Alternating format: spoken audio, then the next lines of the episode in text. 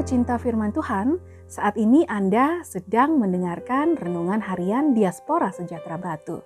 Pembacaan Alkitab hari ini dari Kitab Imamat pasal 18 ayat 21 sampai 30. Janganlah kau serahkan seorang dari anak-anakmu untuk dipersembahkan kepada Moloch, supaya jangan engkau melanggar kekudusan nama Allahmu.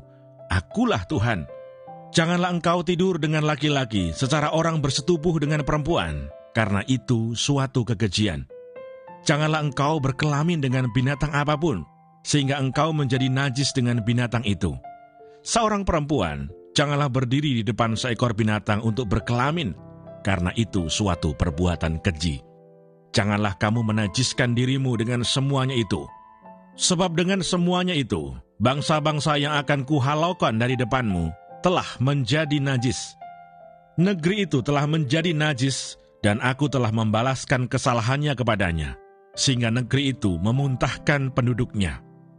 Tetapi kamu ini haruslah tetap berpegang pada ketetapanku dan peraturanku, dan jangan melakukan sesuatu pun dari segala kekejian itu, baik orang Israel asli maupun orang asing yang tinggal di tengah-tengahmu. Karena segala kekejian itu telah dilakukan oleh penghuni negeri yang sebelum kamu sehingga negeri itu sudah menjadi najis, supaya kamu jangan dimuntahkan oleh negeri itu apabila kamu menajiskannya, seperti telah dimuntahkannya bangsa yang sebelum kamu. Karena setiap orang yang melakukan sesuatu pun dari segala kekejian itu, orang itu harus dilenyapkan dari tengah-tengah bangsanya. Dengan demikian, kamu harus tetap berpegang pada kewajibanmu terhadap aku.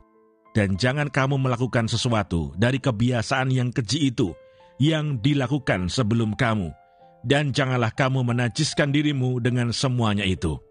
Akulah Tuhan Allahmu. Ayat Mas hari ini dari Imamat pasal 18 ayat 26.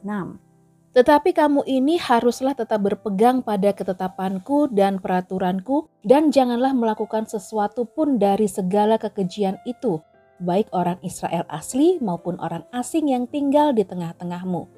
Imamat 18 ayat 26. Renungan hari ini berjudul Melakukan Perubahan. Perubahan menjadi topik yang sering kali dijual oleh para calon pemimpin di negeri ini. Seolah pemerintahan yang sedang berjalan tidak dapat melakukan perubahan dan mereka yang berada di luar pemerintahan yang memiliki keinginan berkuasa merasa lebih bisa melakukan perubahan menuju yang lebih baik terhadap bangsa ini.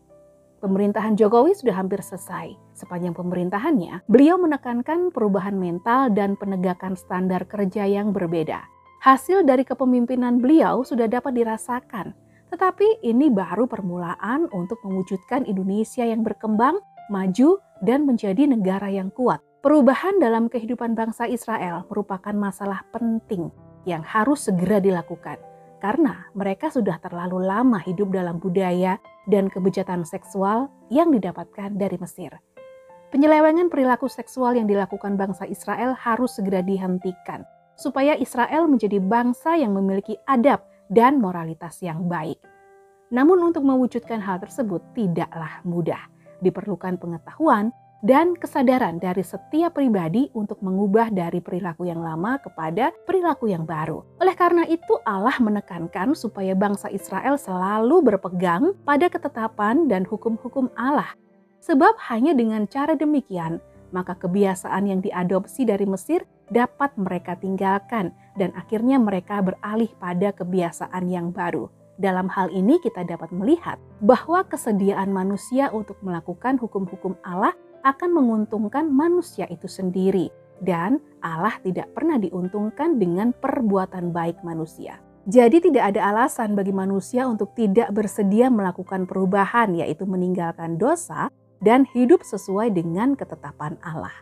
Memang diperlukan waktu untuk hidup benar, dan tidak mungkin dapat dilakukan dengan kekuatan manusia itu sendiri, tetapi Roh Kudus akan menolong kita. Kuncinya adalah harus ada niat untuk melakukan perubahan dari hidup yang tidak benar menuju kepada hidup yang benar sesuai dengan standar Allah. Janganlah kamu menjadi serupa dengan dunia ini, tetapi berubahlah oleh pembaharuan budimu sehingga kamu dapat membedakan manakah kehendak Allah, apa yang baik, yang berkenan kepada Allah dan yang sempurna. Roma 12 ayat 2 Tuhan Yesus memberkati.